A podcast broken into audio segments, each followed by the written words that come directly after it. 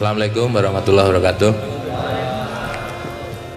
Cak Nun menyinggung tentang Tulung Agung yang ada sesuatunya tadi itu barangkali ini kalau dikaitkan dengan unen-unen atau ungkapan yang sering kali terdengar bagi masyarakat Tulung Agung misalnya Blitar itu jadi latar Kediri jadi kali Tulung Agung jadi kedung Blitar jadi latar itu secara umum bisa dimaknai bahwa eh, sejak dulu bahwa di Blitar itu eh, merupakan tempat atau state panggung. Di sana banyak festival menampilkan atraksi-atraksi kesenian.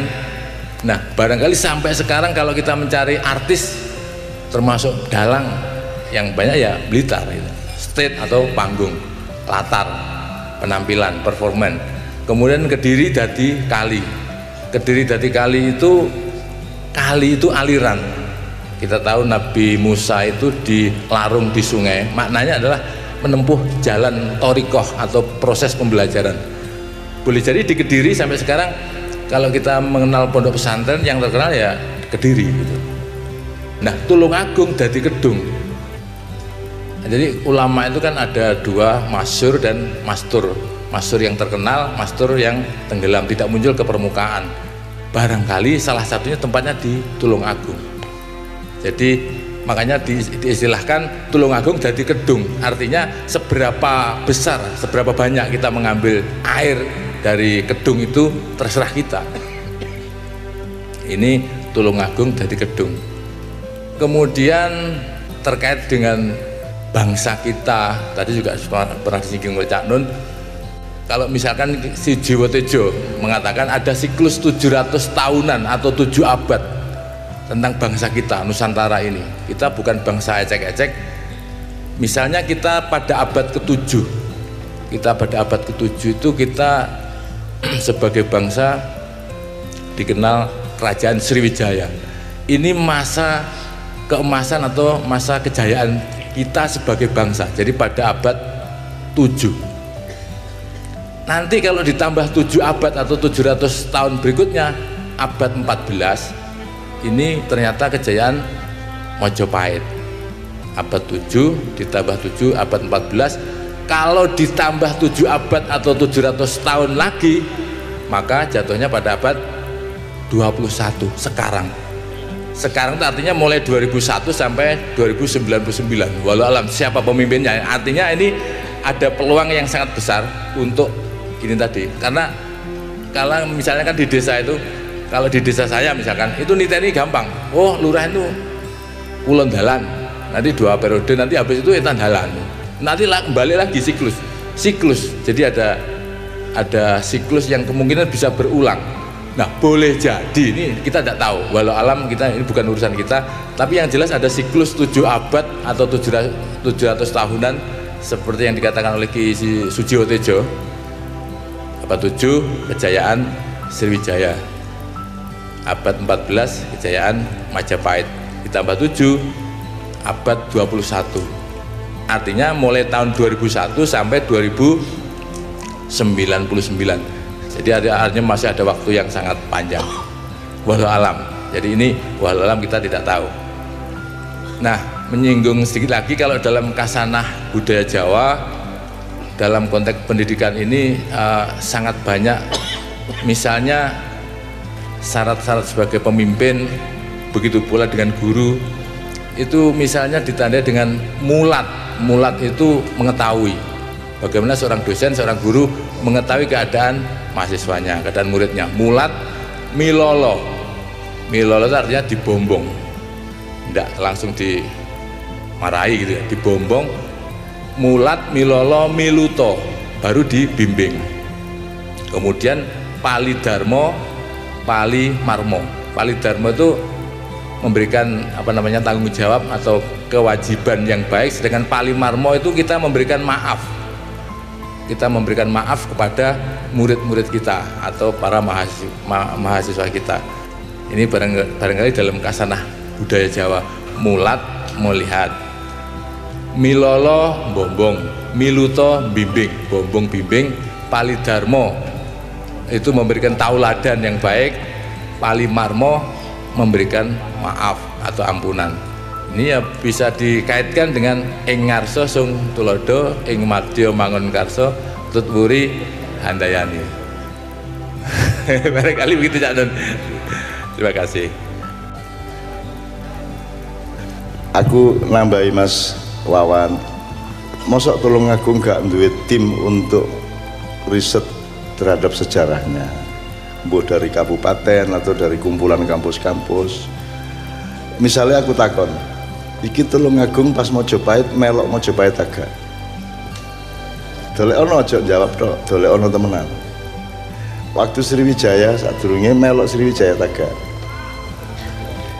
Tak kandani ya ya. Mojopahit itu hancur karena tiga hal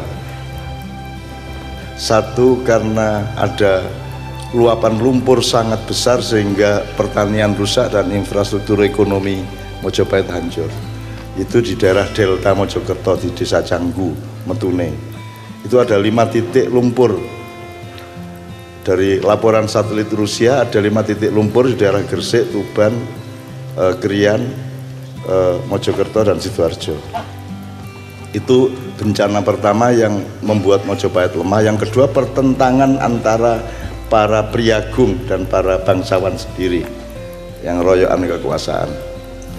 Prabu Brawijaya kelima itu punya anak sejumlah 117 untung ada Sunan Kalijogo yang mendistribusi peran mereka di banyak tempat di seluruh Indonesia diperdikan-berikan sehingga orang Jogja, orang Kebumen, orang Purworejo, orang Gunung Kidul, orang Bantul semua itu turunan Brawijaya ya, yang pimpinan-pimpinannya nah bencana yang kedua adalah pertentangan antara para bangsawan bencana ketiga adalah datangnya Portugis jadi tidak ada pertentangan dengan Islam. Karena selama ini banyak asumsi bahwa hancurnya Mojopahit karena datangnya Islam. Pernah terjadi bentrok dengan kelompok Islam yaitu bapaknya Sunan Kudus yang namanya Sunan Ngudung sehingga Sunan Ngudung mati dibunuh oleh anak keduanya Brawijaya V yang namanya Adipati Terung yang waktu itu menjadi pangapnya apa namanya militer Mojopahit tapi kemudian Sunan Kalijogo ambil inisiatif luar biasa mengutus Sunan Kudus yang bapaknya mati di Mojopahit dengan delapan orang anggotanya untuk menuju Mojopahit membawa suratnya Sunan Kudus berpakaian putih-putih dan kuda putih. Yang suratnya isinya adalah bahwa Sunan Kudus itu surat Sunan Kalijogo. Sunan Kudus dengan kedatangannya ini ingin menyatakan bahwa dia sudah mengikhlaskan matinya bapaknya dan sudah memaafkan yang membunuhnya dan mengajak bersama-sama untuk mencari kebenaran. Ya bebener pepener lan kawicaksanan ini ini cerita sedikit untuk ngelapai wawan kemudian akhirnya terjadi bedol negoro terjadi perpindahan besar-besaran karena memang ada lumpur yang luar biasa sehingga kemudian berdirilah kerajaan di Gelagah Putih yang namanya Demak Bintoro dan itu seluruhnya yang menjadi political uh, operatornya adalah Sunan Kalijogo.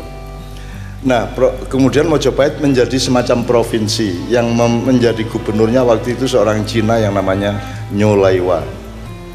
Nyolaiwa ini mati karena tidak bisa membangun kembali Mojopahit sebagaimana yang dicita-citakan oleh rakyatnya yang lama. Sehingga dia ditawur sehingga mati dewe dan hancurnya Mojopahit sampai hilang istananya itu diserbu oleh Girindra Wardana dari Kediri. Nah, Girindra Wardana Kediri tidak pernah menjadi bagian dari Mojopahit. Apa sebabnya mergondek mburine ana tolong agung. Ngono lho rek. Ah iki ana. Aku iki mek ngene iki mek ketok ngono tok. Nek salah salah no nek jenenge kon data, nek gak duwe data percaya. Lah ngono sih